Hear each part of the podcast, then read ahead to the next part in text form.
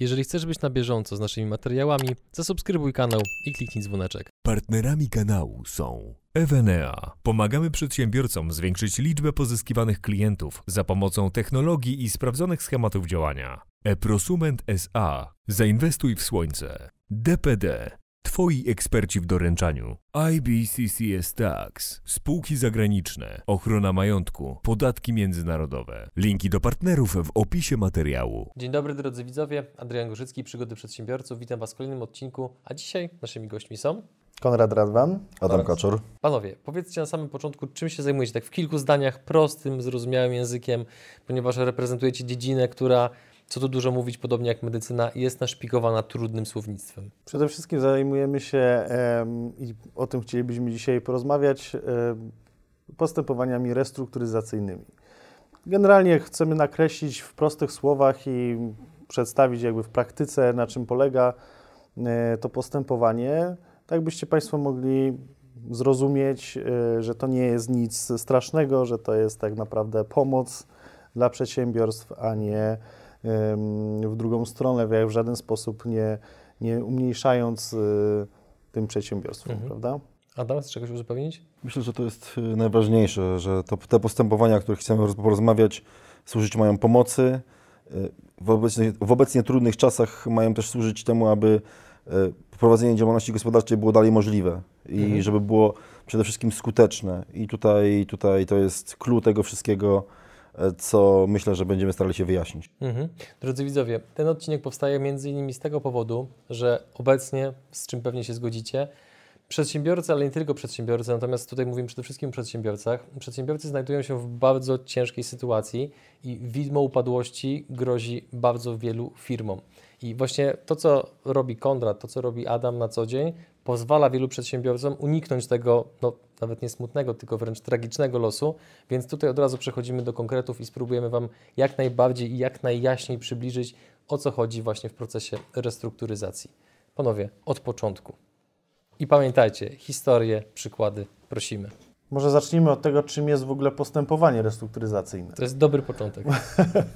E, Po pierwsze, to jest takie postępowanie, mówimy od razu przed sądem, tak, ale to nie jest nic strasznego, bo sąd nam tutaj de facto trochę bardziej jednak pomaga, nie osądza nikogo, to nie jest, e, nie, tu nie mamy do czynienia z jakimiś wyrokami sądu, tak, nie mamy się czego bać. No ale jednak jest to bardzo znamienne postępowanie, e, bo polega ono w skrócie, e, nie wchodząc w szczegóły, na tym, abyśmy mogli dogadać się z wierzycielami tego, tego przedsiębiorcy, tego naszego, tego naszego dłużnika, e, przedstawiając im nowy plan spłaty tych wszystkich zobowiązań, które na nim ciążą. Em, I de facto dzięki temu tym porozumieniom mamy do, y, możliwość em, osiągnięcia dla tego mm, dłużnika szereg e, udogodnień, pomagających po prostu wyjść z trudnej sytuacji. To nie Mhm. są jakby jakieś e, magiczne sztuczki.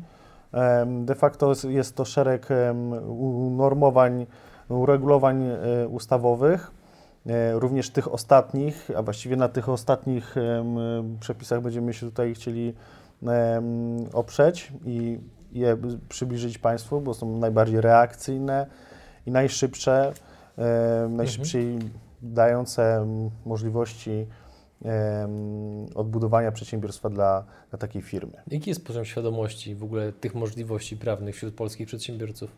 E, No tutaj muszę niestety stwierdzić, że ten poziom nie jest zbyt wysoki. Co prawda, oczywiście przedsiębiorcy m, w dużej mierze wiedzą, że jest coś takiego jak restrukturyzacja. Często myślą, e, kojarzą ją z tą restrukturyzacją bankową, tak, bo są to są sytuacje, w których ktoś ma jakieś problemy, E, na przykład mm, ym, nie spłaca od dwóch, trzech miesięcy e, kredytu, bank wtedy zwraca się do takiego klienta e, z prośbą o zrestrukturyzowanie tego długu, tak? Czyli to jest takie wewnętrzne zrestrukturyzowanie. Natomiast e, zazwyczaj nie przynosi to jakby wymiernych korzyści, no bo nie mówimy wtedy o jakiejś redukcji zobowiązania, tylko przesunięcie tego w czasie na przykład, tak? Przecież per saldo i tak klient musi oddać to, co, co, y, co y, pożyczył. Mhm. Z czego wynika niski poziom świadomości, jeżeli to jest tak dobre rozwiązanie? Ja myślę, że mm, podstawowym problemem jest y, mylenie postępowań restruktu- restrukturyzacyjnych z postępowaniem upadłościowym. Ym, Samo, sama rozmowa, sam początek rozmowy na temat działań, które możemy podjąć dla przedsiębiorcy, y, zaraz łączy się z powstaniem y, tutaj jakby wrażenia, że chodzi o postępowanie upadłościowe, w którym jest syndyk, syndyk sprzeda y, cały majątek, zamknie działalność i tak naprawdę pozostaniemy sami już bez możliwości dalszego prowadzenia działalności gospodarczej. Cała rzecz i cała najistotniejsza kwestia polega na tym, że to postępowanie, które, te postępowania, bo to jest cały szereg postępowań, które proponujemy Państwu, to są postępowania, które zmierzają do zachowania przedsiębiorstwa, a nie do jego likwidacji. Nie występuje tam syndyk i to Państwo jako przedsiębiorcy. To jest chyba istotna ciągu- różnica, co? To jest podstawowa różnica. No właśnie. E, Syndyk odbiera nam możliwość decydowania y, o wszystkim w zasadzie w zakresie naszego, naszej działalności gospodarczej.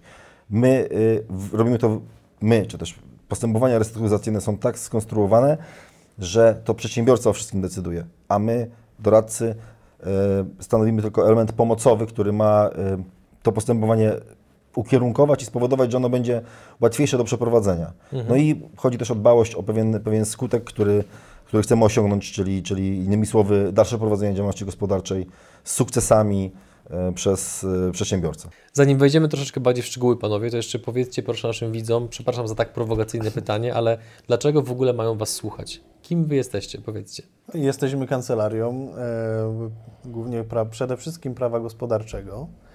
Kancelarią, która ma doświadczenie ponad już dziesięcioletnie. Mm, Od pięciu lat e, również pomagamy w restrukturyzacji jako doradcy restrukturyzacyjni. E, Nasze początki e, były de facto zaczynały się od e, po, pomocy przedsiębiorcom tak przy jakichś tam polisolokatach, później były to postępowania frankowe, czyli pomoc dla frankowiczów. Dzisiaj już szerzej pomagamy tym przedsiębiorcom właśnie w stronę restrukturyzacji. Czyli ratujecie ich z opresji, mówiąc w dużym skrócie. Dokładnie tak. W możliwie szerokim zakresie zapotrzebowania. Mhm. To powiedzcie teraz proszę, już wchodząc w szczegóły, jakie są, jakie branże z Waszej perspektywy są teraz szczególnie zagrożone, biorąc pod uwagę obecną sytuację ekonomiczną? Są to jakimi branżami? Przede wszystkim y, jest to kilka branż, takich głównych.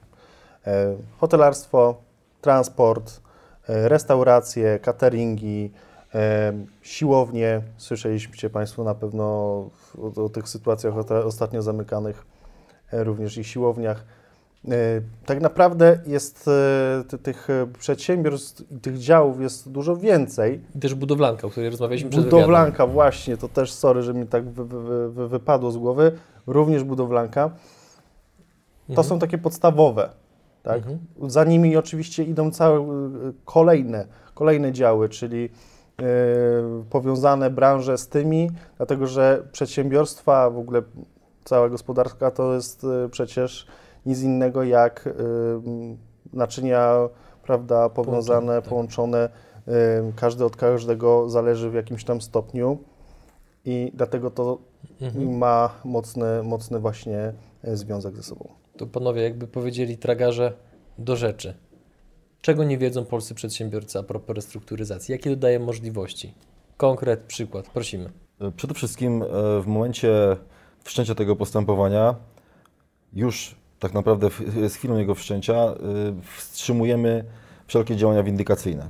Czyli innymi słowy, jeżeli komornik prowadzi egzekucję, to z tą chwilą egzekucja jest zawieszana. Przedsiębiorca może w dalszym ciągu prowadzić działalność. Przykład, który najlepiej obrazuje tę sytuację, to jest e, kwestia, kiedy, mamy, kiedy mieliśmy e, ogłoszony termin licytacji i w momencie, e, w której udało się wszcząć postępowanie restrukturyzacyjne wobec naszego klienta, dłużnika, no komornik musiał odstąpić od czynności sprzedażowych i nie sprzedał samochodu, który stanowił podstawę działalności przedsiębiorstwa. Było to przedsiębiorstwo transportowe. To był specjalistyczny pojazd do przewozu bydła. No i w takim zakresie udało się y, Mhm. uratować y, ten środek, którym y, nasz Narzędzie klient, pracy. narzędzie pracy, tak, którym nasz klient będzie wykonuje w tym momencie swoją działalność, zarabiając właśnie po to, aby spłacić swoje należności wobec swoich wierzycieli w ramach tego układu, który staramy się, czy też staramy się stworzyć i, i, i wdrożyć tak naprawdę w życie. I to jest jakby główny, myślę, taki najbardziej namacalny skutek tego postępowania. Inną kwestią, e, która jest e, szalenie istotna, e, to jest zmniejszenie wysokości zobowiązań, które obciążają danego dłużnika. W przypadku, jeżeli mamy długi, to jeżeli te długi są przeterminowane, jeżeli nie płacimy z różnych przyczyn, mamy, mamy problemy, mm, do tego są doliczane koszty. Kary umowne, odsetki, odsetki karne, koszty m, egzekucji, koszty monitów często y, bardzo wysokie i wszczęcie tego postępowania i jego prowadzenie tak naprawdę ma służyć temu, żeby te koszty, wszystkie uboczne, w pierwszej kolejności wyeliminować. Innymi słowy, pieniądze, których nie wzięliście, y, nie będą przez Was oddawane. Oczywiście to, co zostało pobrane, musi być oddane, natomiast w jakiej wysokości to już jest kwestia indywidualnych negocjacji z każdym z wierzycieli. Jak duże robią oczy przedsiębiorcy, którzy słyszą, że nie będą musieli oddawać odsetek i tych wszystkich dodatkowych kar? To jest y, szalenie y, ważna kwestia, bo jeżeli mamy y, długi, które w jakiś tam sposób już były podlegały egzekucji, y, czy też windykacji może wewnętrznej, y, egzekucji komorniczej, to y, te koszty uboczne tak zwane, one to jest jakieś 30% długu czasami, czasami więcej. Więcej. Dużo. Więc y, tutaj, y, tutaj to dusi de facto y, przedsiębiorcę. No, takim jaskrawym przypadkiem, y, słuchajcie, to jest, y, są chwilówki, które, y, w których pożyczamy 700 zł, oddajemy 3,5 tysiąca. No to y, jakby to postępowanie ma doprowadzić do tego, że mamy oddać to, co pożyczyliśmy Te ewentualnie. 700 zł, a 700 nie zł, 3,5. tak, a nie, a nie y, oddawać y, jakieś absurdalne koszty. Do tego to zmierza. Urealniamy wartość, urealniamy, urealniamy razem z Wami wartość y, długu. Mhm. I to nie jest kwestia unikania odpowiedzialności, to jest kwestia urealnienia tej odpowiedzialności. Oddajmy tyle, co zostało wzięte, oczywiście z pewnym, z pewnym narzutem, który jest wymagany, ale to już, to już jest jakby, to już jest jakby wymaganym po prostu prawem, natomiast to już wynika z indywidualnych negocjacji z każdym z wierzycieli. To trzeba sobie powiedzieć jasno, tak. że, że różnicujemy tutaj wierzycieli, inaczej się podchodzi do zobowiązań wobec banków, inaczej do zobowiązań wobec kontrahentów, a inaczej do zobowiązań publiczno-prawnych jak ZUS i Urząd Skarbowy, z którymi możemy negocjować tylko w zakresie y, terminów zapłaty, nie zaś zmniejszenia tych należności. Państwu innymi słowy trzeba zapłacić. To dodam tylko, jeżeli chodzi o ten e, ZUS czy Urząd Skarbowy, e, tutaj mamy możliwość, e, w, akurat w postępowaniu restrukturyzacyjnym, troszkę jednak wydłużyć e, czas spłaty tych zobowiązań. Tak Troszkę, jeżeli, czyli ile? no de facto tak naprawdę możemy, jeżeli mamy e, standardowo, jeżeli każdy z nas jako przedsiębiorcy mamy jakieś zobowiązanie w Urzędzie Skarbowym, przykładowo, nie wiem, mam tam 20-30 tysięcy złotych do, do, do zapłaty, idąc samemu do Urzędu Skarbowego, możemy sobie rozłożyć to na raty na 12 lub 24 miesiące. W postępowaniu restrukturyzacyjnym jest to dłuższy okres. Może być to na przykład, nie wiem, 4 lata. Ciężko stwierdzić też jakby maksymalnie jak, na jak długi okres, dlatego że to też jest determinowane tym, jaki my będziemy mieli plan na spłatę. Jak długo my przewidujemy, czyli nasz te, te, ten właśnie z- y, dłużnik em, ma y, możliwości na spłatę, jak, w jakiej perspektywie on to przewi- przewiduje, że będzie regulował. No ile będzie zarabiał, żeby można było Ile spłacić by- te, tak. te, te, te wierzytelności? Te redukcje, o których jeszcze mówiłeś, również warto dodać, że one mogą być y, stosowane również i do kapitału. Tak, tylko to też Co to trzeba. znaczy? do- To jakiś przykład podaj, proszę. Takim przykładem może być e, przedsiębiorca, który e, posiadał, jego struktura zobowiązań, akurat w tym przypadku to były same kredyty. Tak? To było około miliona złotych, tak w przybliżeniu. Bo mówisz o jakimś realnym przypadku. Tak, no, przykładzie y, klienta, z, którego miałem przyjemność y, analizować sytuację i prowadzić te, to, to postępowanie. Była sytuacja, w której y, ten y, ogólnie był to milion, natomiast jego, jego majątek, bo to też jest dosyć istotne przy tych negocjacjach, tak? Wierzyciele też chcą wiedzieć, co ten dłużnik posiada. No ale w tym przypadku ten e, dłużnik, jego majątek nie był zbyt wielki, tam jego wartość oscylowała w granicach 200 tysięcy złotych.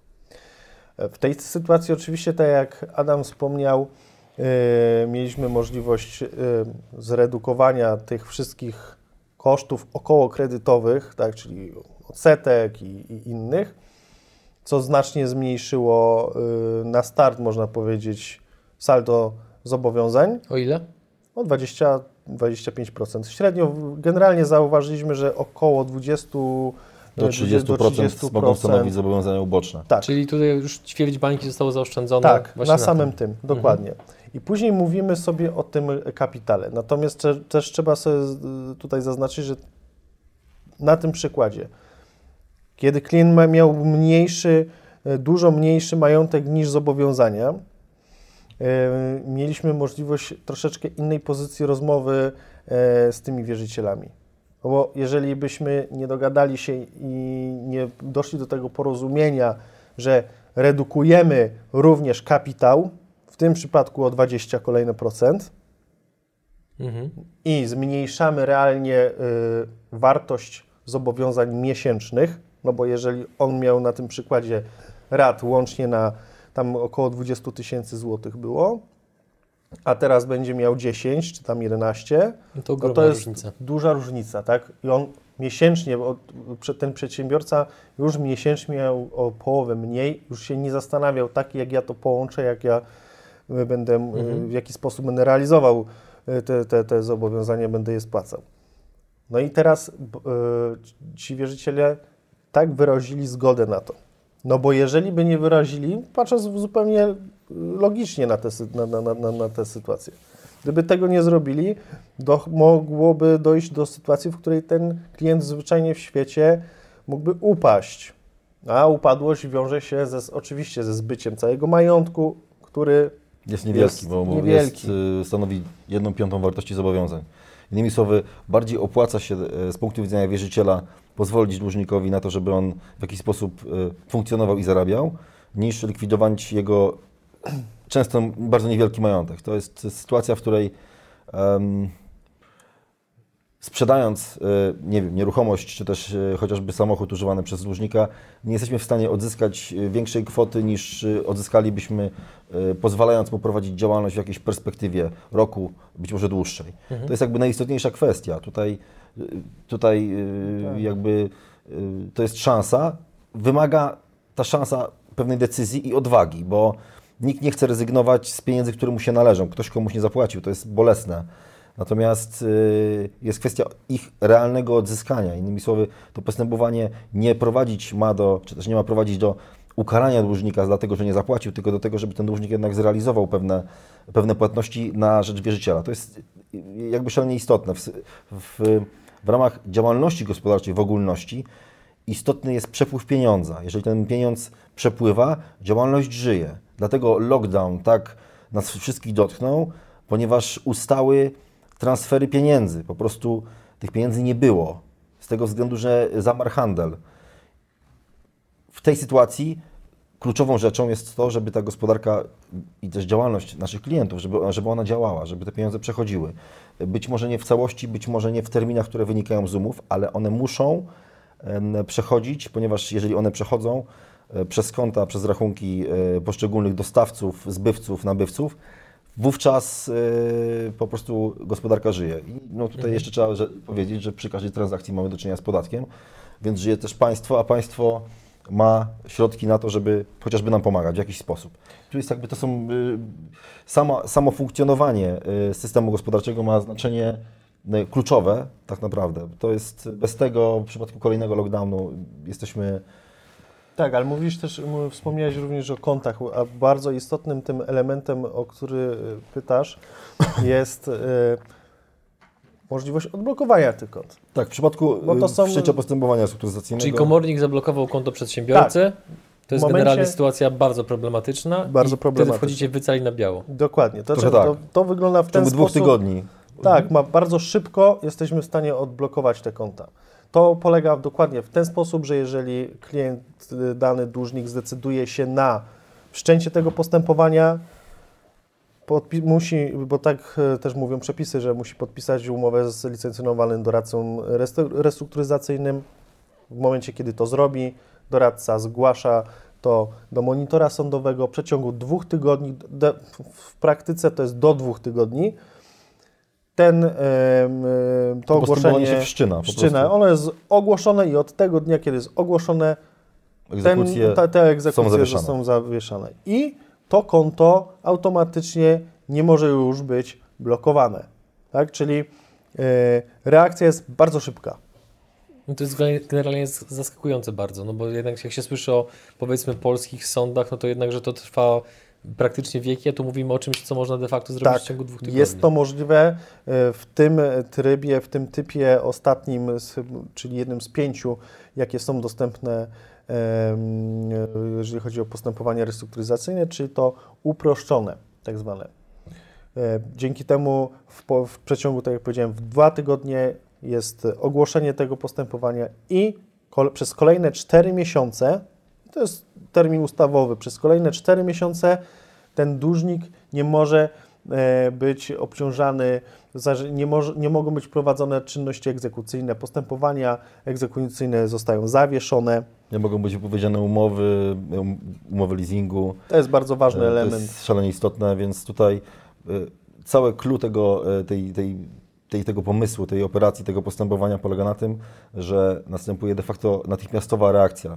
Mamy do czynienia z e, sytuacją, w której od momentu kontaktu z nami i do momentu skończenia analizy z nami, z innymi doradcami, do momentu e, realnego e, wstrzymania wszelkich działań, które są niszczące de facto dla firmy i dla jej finansów, upływa około dwóch tygodni bez y, konieczności angażowania w to sądu bezpośrednio, ponieważ sąd y, powszechny pojawia się nam dopiero w momencie, w którym występujemy o zatwierdzenie układu, czyli w ramach tych czterech miesięcy, w których to postępowanie trwa.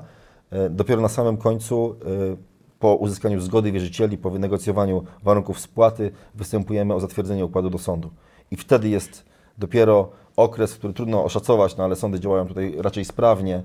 Y, Natomiast dopiero wtedy zaczyna się ten okres sądowy, stricte.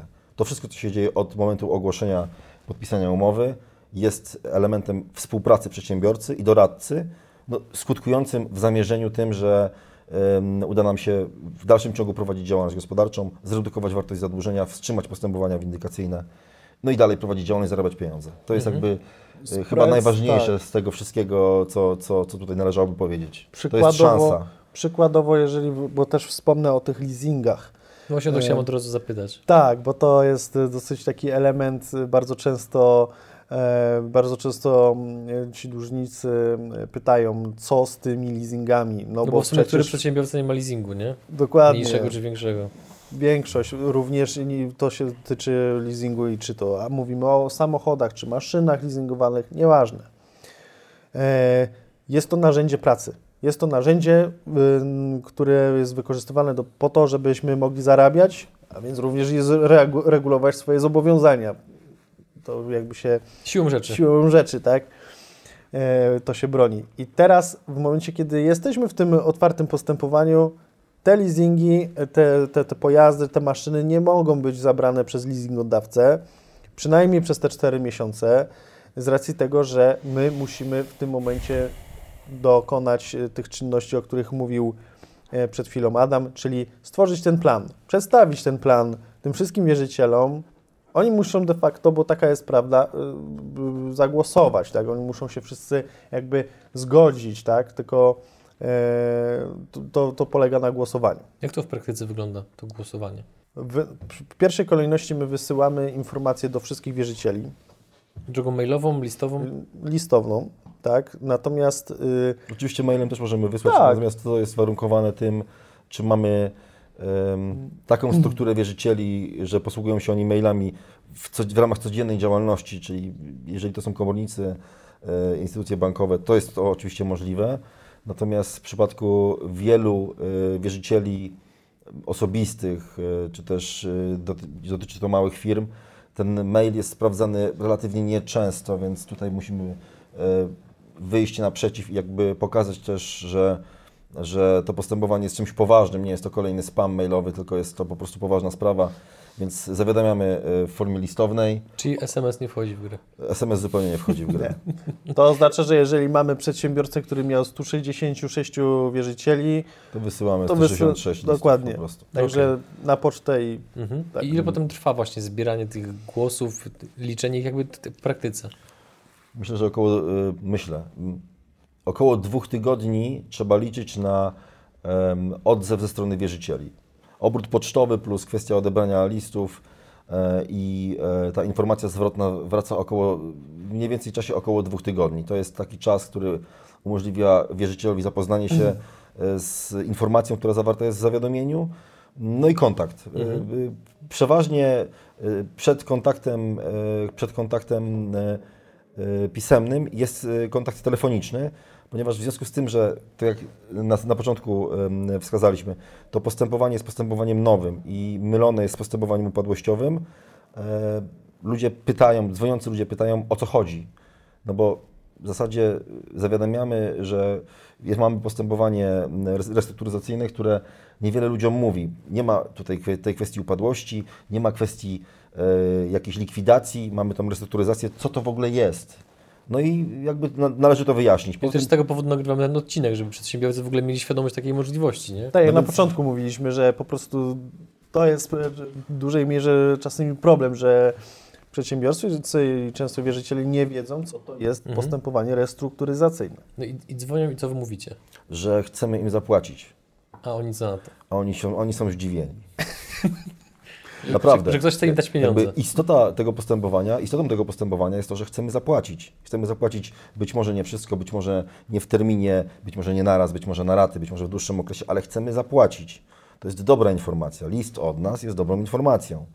Bo jeżeli dwa lata ktoś czekał na Na zapłatę, przykład. tak jak miałem dzisiaj ja- jadąc e, do Ciebie, odebraliśmy na trasie około 30 telefonów. Tak się złożyło, że, że akurat e, ten, ten, ten, ten Pewien cykl listów doszedł i tak. od y, kilku dni mamy, mamy telefony, które się powtarzają właśnie y, z, z takim pytaniem, bo y, ludzie się gubią w tym wszystkim. No, oczywiście y, staramy się wyjaśnić, na czym polega to postępowanie, ale przede wszystkim y, staramy się powiedzieć, że chcemy zapłacić. To jest jakby, i- to jest jakby istota tego. Teraz będziecie mogli wysłać link do filmu na YouTubie. Y, możemy. Okej, ale wróćmy jeszcze ponownie na chwilę do tych leasingów, nie? Okej. Powiedzieliście, że e, cztery, przez 4 miesiące ten przedsiębiorca ma spokój. Nikt mu nie zabierze jego samochodów, jego maszyn, tak? Dobrze zrozumiałem? Dobrze. I teraz pytanie, czy ten okres można wydłużyć, czy też nie? Dlaczego tak, dlaczego nie? I jak to zrobić? Termin czteromiesięczny wynika z ustawy, czyli e, założenie e, tego uproszczonego postępowania jest takie, że wszystkie czynności powinny być wykonane w ramach tego czteromiesięcznego terminu. Wszystkie czynności, co Wszystkie to znaczy? czynności zmierzające do zebrania wierzytelności, zaproponowania wierzycielom sposobu ich regu- uregulowania, zdobycia zgody wierzycieli na, na to regulowanie i e, złożenia wniosku o zatwierdzenie tego układu, który jest przegłosowany przez wierzycieli do sądu.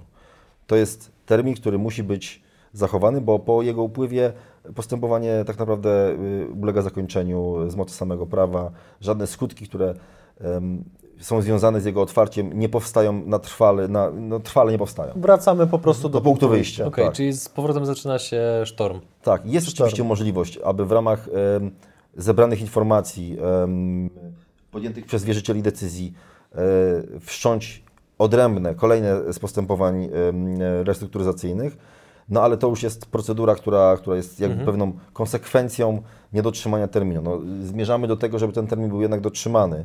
E, Zwracam uwagę Wam wszystkim, że 4 miesiące to jest realnie rzecz biorąc bardzo mało czasu na, na przeprowadzenie takiej operacji, ale z drugiej strony jest to na tyle dużo czasu, że jest to możliwe. Więc tutaj, e, tutaj nie, nie ma sensu dążyć do przedłużenia postępowania, które może trwać i, i rok, i więcej, ponieważ efekty, efekty takiego postępowania będą niewielkie. To Mhm. kryzys, który trwa dwa lata, w przypadku większości przedsiębiorców jest kryzysem niszczącym. No to się, to się, to się kończy po prostu upadkiem firmy i, i tego ze wszechmiar staramy się uniknąć. I to, ogromno, robimy, ogromnymi kosztami zdrowotnymi też, nie? to są koszty dla wszystkich, no bo Tak. w końcu większość firm to są firmy, które służą utrzymaniu rodziny, więc nie dotyka to tylko i wyłącznie przedsiębiorcy, tylko dotyka to też bliskich, Tak. żonę, dzieci, nieruchomości. A powiedzcie proszę, ile tych głosów trzeba zebrać od wierzycieli, którzy są na tak, że zgadzają się na taki właśnie zaproponowany Większość. proces, żeby... Większość. Ale to jest większość. 50 plus 1, czy to musi być 66, 75, jakby jaka W jest pewnym proporcja? uproszczeniu mo- można powiedzieć, że to ma być zwykła większość, czyli większość Mhm. wierzycieli ma się zgodzić na sposób regulowania e, zobowiązań. W ramach e, tej propozycji układowej to może być różnicowane. Wspomnieliśmy już, że wierzytelności e, Urzędu Skarbowego i ZUS-u nie podlegają redukcji. Tak jak pozostałe. Tak? Tak jak Mhm. potencjalnie pozostałe Alimenty też nie podlegają. alimenty to jest zupełnie inna sprawa. Natomiast, natomiast y, w związku z tym, że one nie podlegają redukcji, można y, głosować, y, wierzyciele mogą głosować nad treścią układu w grupach. No i tutaj wydzielamy, dla przykładu takim najprostszym podziałem będzie podział na, na, na wierzytelności wynikające z umów zawartych z bankami, wierzytelności publiczno-prawnej wierzytelności wynikające stricte z prowadzenia działalności gospodarczej. Mamy do czynienia z trzema grupami, które głosują w ramach y, przysługujących im uprawnień. No i później sumując te głosy, jeżeli większość jest za, to wówczas u- Mhm. układ, Ja podam układ jest przykład. przyjęty. Podam przykład Oj, może tak byśmy takiego, bardzo prosili. takiego klienta, który e, jest bardzo szczególnym klientem, bo miał e, zobowiązań ponad 1,5 miliona złotych, e, z czego e, 500 tysięcy wynikało z samych tak zwanych chwilówek. Więc tam mieliśmy dwie grupy wierzycieli. Same banki i same chwilówki. Nie miał za, zobowiązań wobec pu- publiczno-prawnych, czyli wobec ZUS-u czy US-u. Były tylko banki i chwilówki. I w tym momencie właśnie zrobiliśmy to, o czym wspomniał e, Adam. Podzieliliśmy te, na to, to na dwie grupy wierzycieli i one sobie tam już wewnętrznie głosowały. Mhm. Oczywiście propozycje dla banków były korzystniejsze z- dla banków, a dla chwilówek Mniej z racji korzystnie. charakteru działalności mniej korzystne i banki przegłosowały chwilówki. Mhm. I nawet jeżeli chwilówki nie godziły się na, na, na, na ten układ, to zostały prze, przegłosowane.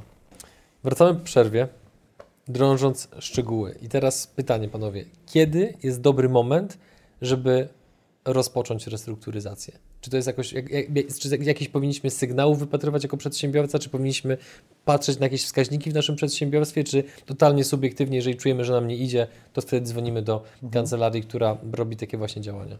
To jest bardzo słuszne pytanie, dlatego że e, to przedsiębior- przedsiębiorca musi wiedzieć, w którym momencie e, czuje, przynajmniej, bo tak naprawdę mamy e, dwa rodzaje tych przedsiębiorców, którzy się kwalifikują do tego postępowania.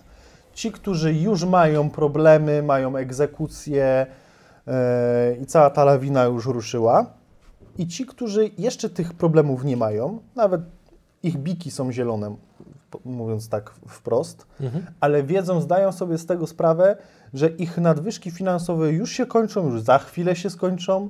Widzą, że już nie ma tych dochodów, które były i nie będą w stanie za chwilę już regulować swoich zobowiązań. I to jest ten moment. I tak naprawdę nie ma znaczenia, czy, bo niektórzy pytają, czy to jest tak, że yy, ten, który ma już komornika, to się nie kwalifikuje. Nie, oczywiście, że się kwalifikuje ten, który ma te, egzekucje i ten, których jeszcze ich nie ma, ale wie, że może być ciężko. Natomiast co do zasady, y, musi być to przedsiębiorca, który rokuje, tak mówiąc w Musi skrócie. funkcjonować. Musi funkcjonować. Firma musi funkcjonować. To nie może być sytuacja, w której y, przedsiębiorca już nie zarabia i wie, że nie będzie zarabiał tak naprawdę i w sumie pozostaje mu ewentualnie pójście do pracy, żeby się utrzymać, Albo upadłość. albo upadłość. Mhm. No bo wtedy mamy do czynienia albo stricte z upadłością, tak, a nie restrukturyzacją, albo mm, no, borykanie się z wielkimi problemami egzekucyjnymi. Trochę właśnie wyprzedziliśmy moje kolejne pytanie, bo chciałem się zapytać, czy każdy przedsiębiorca może z czegoś takiego skorzystać? No właśnie nie każdy. Dlatego Czy każdy w sensie y, przedsiębiorcy. każdy przedsiębiorca, Jego aktywny, sytuacja musi, sytuacja ekonomiczna i płynnościowa, fakt wypłacalności, niewypłacalności musi wskazywać na to, że jest w stanie jeszcze w ramach tych czynności, które, w których pomagamy, e, prowadzić dalej firmę. No jeżeli mamy do czynienia z sytuacją, w której ta firma już e, została przygnieciona przez długi, przeszliśmy moment, e, w którym można coś zrobić, no to jedyną, e, jedyną alternatywą pozostaje upadłość. Tutaj jakby nie ma, nie ma innej drogi. No albo znoszenie wieloletniej e, egzekucji tam od poszczególnych komorników, firm windykacyjnych i tak dalej. Ale od tego jest doradca restrukturyzacyjny, żeby ocenił, przeanalizował. Czyli e, przykładowo, jeżeli przychodzi do nas jakiś przedsiębiorca, prosi o e, pomoc, to w pierwszej kolejności my dokonujemy analizy, czyli sprawdzamy. Tutaj ja- pytanie, czy to coś kosztuje, czy to jest darmowe? nie, to akurat analizy są darmowe. No nie wiem jak w różnych kancelariach, u nas akurat te analizy są darmowe. Mhm.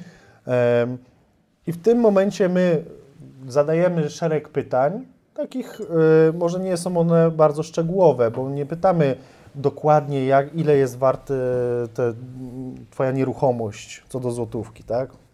Podaj mniej więcej jaka jest to wartość, tak? Podaj mniej więcej jakie są to zobowiązania. I wtedy taki przedsiębiorca podaje nam, wypełnia de facto taki formularz, e, czyli manual do tego, żeby ocenić e, to, czy on się nadaje do tej restrukturyzacji, czy nie, plus opis tym, tego, czym się zajmuje, z czego wynikają jego problemy, jak on widzi siebie w przyszłości. Mhm. Kontynuując, y, kto może y, przeprowadzić sobie takie y, postępowanie restrukturyzacyjne i kwalifikuje się do niego, to poza przedsiębiorcami również są to gospodarstwa rolne. Jest to dość spora grupa osób, de facto nawet i całych rodzin, które prowadzą swoje gospodarstwa rolne i mają różnego rodzaju zobowiązania, często od dłuższego czasu nawet nieregulowane. To ja też tu po- poproszę, żebyście to precyzowali. Czy zajmujecie się każdym poziomem zadłużenia? Czyli czy mam zobowiązań na 5 tysięcy, czy na 5 milionów, to bierzecie każdego, czy nie bierzecie każdego? No niestety nie każdego, dlatego że jeżeli e, to mówimy o postępowaniu restrukturyzacyjnym, który jest pewnym procesem rozłożonym w czasie. Pamiętajmy o tym, że y, po tych czterech miesiącach, o których y, rozmawialiśmy, mamy, za, zakładając, że już sobie zatwierdzimy ten układ, sąd wyznaczy nas tutaj na nadzorcę sądowego i realizujemy ten układ, to ta realizacja układu y, będzie trwała tak długo, jak dłużnik będzie spłacał swoje zobowiązania. A to może trwać 5-10 lat, może więcej. Więc, Ale często mniej. Bardzo często i mniej. Natomiast trzeba to uwzględnić, więc przedsiębiorcy, którzy mają zadłużenia, nie wiem, tak jak wspomniałeś, 5 tysięcy czy 50, nawet Kilkadziesiąt tysięcy, no. kilkadziesiąt Koszty tysięcy- postępowania po prostu i, Nie- i nie- jego tak. skomplikowany charakter no, czyni y, przy takim poziomie zadłużenia same, samo działanie bezsensownym. No więc tutaj mówimy o, o, o, o Jaki jest próg, panowie? Od jakiego progu się można zgłaszać? W tym przypadku do Was. no powiedzmy, że tam od 400 tysięcy złotych. Okej. Oczywiście te, sy- każda sytuacja każdego przedsiębiorcy jest indywidualna. Dosłownie każdy ma trochę inną. Nawet jeżeli postawimy obok siebie e, dwóch e, przedsiębiorców prowadzących transport, oni mają, są podobni, ale każdy ma jakąś inną historię, naprawdę. E, I u jednego będzie ważne, żeby reakcyjnie już teraz tutaj zadziałać, a później sobie poradzę, mając mniejsze nawet zadłużenie. I okej, jeżeli tak chce, możemy to zrobić. Ale co do zasady, i jakby patrząc na e, ilość tych wszystkich przedsiębiorców, tych, z którymi rozmawiamy i którym pomagamy, de facto prowadzimy im te postępowania, to średnio to jest to przynajmniej te powiedzmy 400 tysięcy złotych jako struktura zobowiązań globalnych. Dobrze, to teraz wróćmy do wątku, który już wcześniej był, ale chciałbym, żebyśmy go jeszcze troszeczkę podrążyli. Czego jeszcze nie wiedzą przedsiębiorcy a propos tego procesu restrukturyzacyjnego? Może odniosę się do tego, czego, o co też pytają, bo Mhm. nie wiedzą. Proszę. Pytają bardzo często, czy jeżeli w, w otworzę to postępowanie restrukturyzacyjne, to czy ja będę mógł zaciągać kolejne kredyty? To jest bardzo częste pytanie. Można, nie można? Można. Praktyce można. Nie jest e, ten przedsiębiorca zablokowany e, w tym przedmiocie. Może zaciągnąć zobowiązanie, może być to kredyt, ale trzeba jednak pamiętać o jednym podstawowym elemencie, że jeżeli powiedzmy, nie wiem, ma ten, ten, przykładowo ten milion złotych będę cały czas trzymał się tej okrągłej kwoty, e, milion złotych zobowiązań u swoich wierzycieli i pójdziemy już na ten układ, zaczynamy go realizować i ten przedsiębiorca stwierdzi, kurczę, chciałbym wziąć, bo mam możliwość zaciągnięcia jeszcze tam kredytu na 200-300 tysięcy po to, żeby zwiększyć obroty i, ch i chcę to zrobić. Może, ale muszą się na to zgodzić wierzyciele, dlatego że jest to czynność, puszczę ten żargon prawniczy, wykraczająca poza zwykły zarząd i musi być zgoda większości wierzycieli. Natomiast jeżeli e, przedstawimy to e, tym wierzycielom, że faktycznie do, dociążamy się znowu tam jakimś kredytem, ale proszę bardzo, realizujemy plan, który sami zaproponowaliśmy, no bo przecież to ten nasz dłużnik sam proponuje, ile jest w stanie płacić i to robi, prawda? E, I wykażemy, że dzięki tej inwestycji będzie ten przedsiębiorca więcej zarabiał, a więc szybciej spłacał swoje zobowiązania, no to wtedy ci wierzyciele z praktyki wynika nie mają większych problemów. Albo jest to konieczne ze względu na to, że jest to kredyt o charakterze obrotowym. Tutaj O, na przykład. e, no. przedsiębiorstwo nie może działać zasadniczo, nie może działać bez e, linii kredytowej, która umożliwia w miarę płynny obrót pieniądzem, więc tutaj e, w takim zakresie jest to z pewnością możliwe. Mhm. Tak jak powiedział kolega, e, oczywiście wymaga to zgody wierzycieli, natomiast jakby cała istota tego postępowania, czyli pewna, e, pewien konsensus, pewna zgoda między wierzycielem a wierzycielem a dłużnikiem powoduje to, że dla wykonania układu często jest konieczne uzyskanie finansowania tego układu. Tutaj taki kredyt jest jedną z metod, o kolejnych powie Konrad.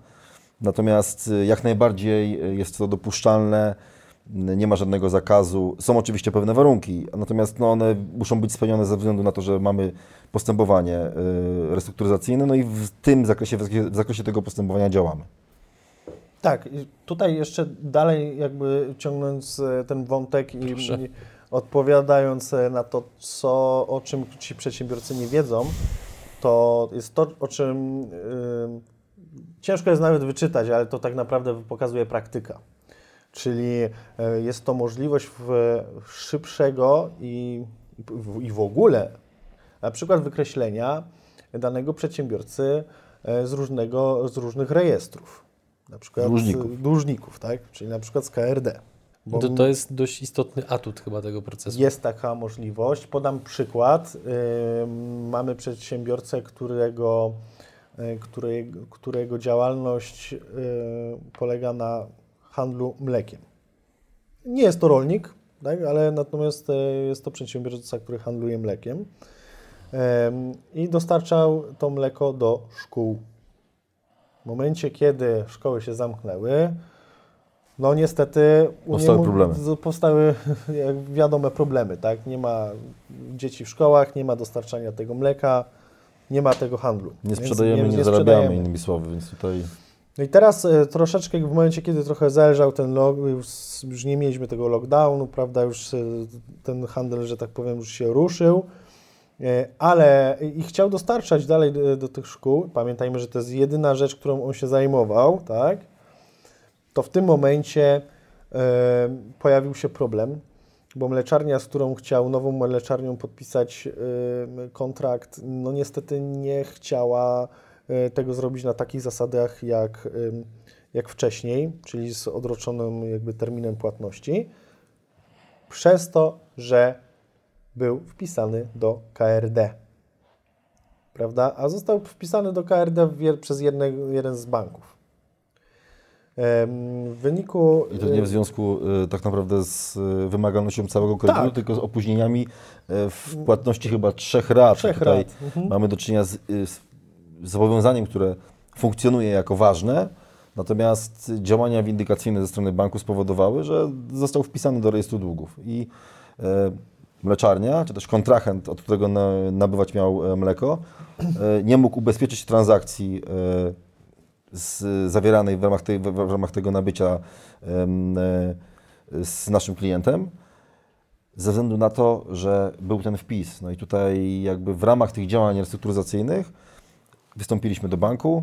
Bank Bardzo szybko Bardzo zresztą. szybko zresztą zareagował, stwierdzając, że oczywiście skoro mamy zamiar zapłacić, a mamy oczywiście, no to nas wykreśli z tego, z tego rejestru długów i tak, rzecz- tak też się Prosta- stało. Co znaczy szybko? Prosta W argumentacja. ciągu trzech dni uzyskaliśmy Tak. e, decyzję dotyczącą e, wykreślenia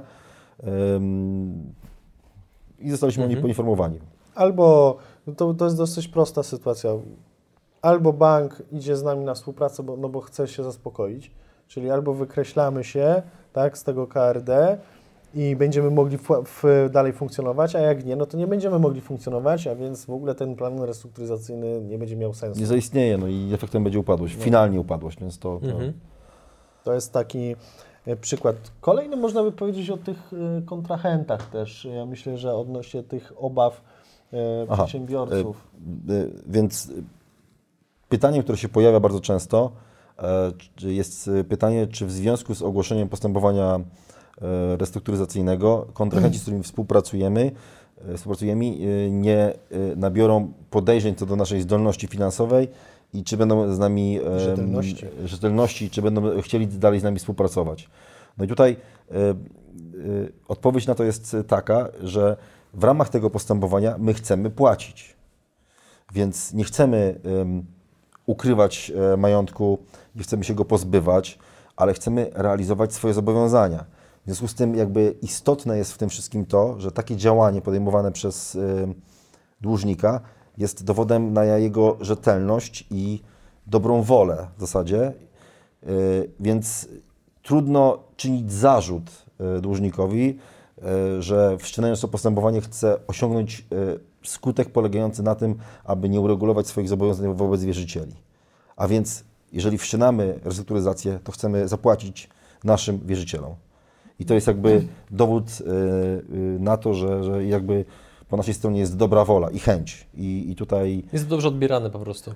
No, zawsze jak płacimy długi, to jesteśmy dobrze odbierani Tak, przez tych, którym te migamy. długi płacimy. To, to tutaj Ale ja nawet podam y, przykład y, pana Mirosława. zadowolonego y, wierzyciela, który dostał swoje Tak, pieniądze. sy- sytuacja była e, następująca. Tam e, chodziło o typowo umowy kontraktowe. E, w momencie, kiedy ten mm, kontrahent de facto s, s, s- był, był wierzycielem tego naszego klienta, ale to nie było tak, że on, e, nie wiem, ociągał się jakoś strasznie z tymi płatnościami. No miał jakieś tam obsuwy, wiadomo. To jest jakby naturalne.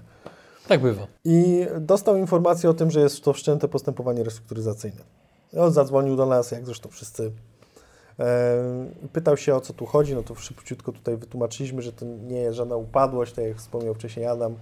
E, aha, no to dobrze, no to ja rozumiem. Czyli nie zmienia się tutaj nic. Czyli dalej ta umowa między nami e, trwa, między mną i panem Mirkiem. No tak, dalej handlujcie, tak? No nie, nic się tutaj nie zmieniło. No Wszystkie zobowiązania będą Będą uregulowane. uregulowane. No Ja już, no mówię, okej, no to już jestem spokojny, no bo już myślałem, że tu, nie wiem, zrywamy umowę, czy co tu się dzieje, tak? Nie, nic z tych rzeczy. I on to zrozumiał w, w zupełności i, i jak najbardziej y, no, dalej współpracowali. Mhm. Kluczowym jeszcze y, tutaj elementem, o którym nie wiedzą przedsiębiorcy mm, w dużej mierze, bo są ci, którzy czytają, sprawdzają sobie tutaj y, agencje rządowe, jest możliwość y, pozyskania finansowania tych działań restrukturyzacyjnych. Mówię tutaj e, akurat o Agencji Rozwoju Przemysłu. Czyli innymi słowy, państwo pomaga, e, udzielając pożyczek e, i subwencji, na, e, pomaga nam przeprowadzić to postępowanie Żeby i je sfinansować. Tak. Tak, pom- pomaga również poprzez, poprzez e, e, przekazanie pieniędzy na wszczęcie samego postępowania, jak również na jego, na jego prowadzenie. To jest jakby, jakby bardzo istotna informacja. Mhm. Tutaj trzeba też zaznaczyć, że oczywiście te środki są gdzieś tam ograniczone, tak? W tym roku i w, i w kolejnych zresztą 10 z, e, następnych latach jest to, są to kwoty około 120 milionów e, rocznie. W tym roku dodatkowo jeszcze 600, Jest 700. tak. czyli jest 720 Jest tak, czego, w puli do końca roku. jest z czego dzielić. Dokładnie, można składać wnioski. E, W tym też pomagamy. Oczywiście jest to świeży temat, bo de facto od kilku tygodni w Agencji Rozwoju Przemysłu te środki e, się znajdują. E, została podpisana umowa e, z agencją i ministerstwem i można sobie również w ten sposób pomóc. Środki te są bardzo nisko oprocentowane, są bardzo atrakcyjne. E, nie ma znaczenia, jaką mamy zdolność kredytową, bo to nie jest bank.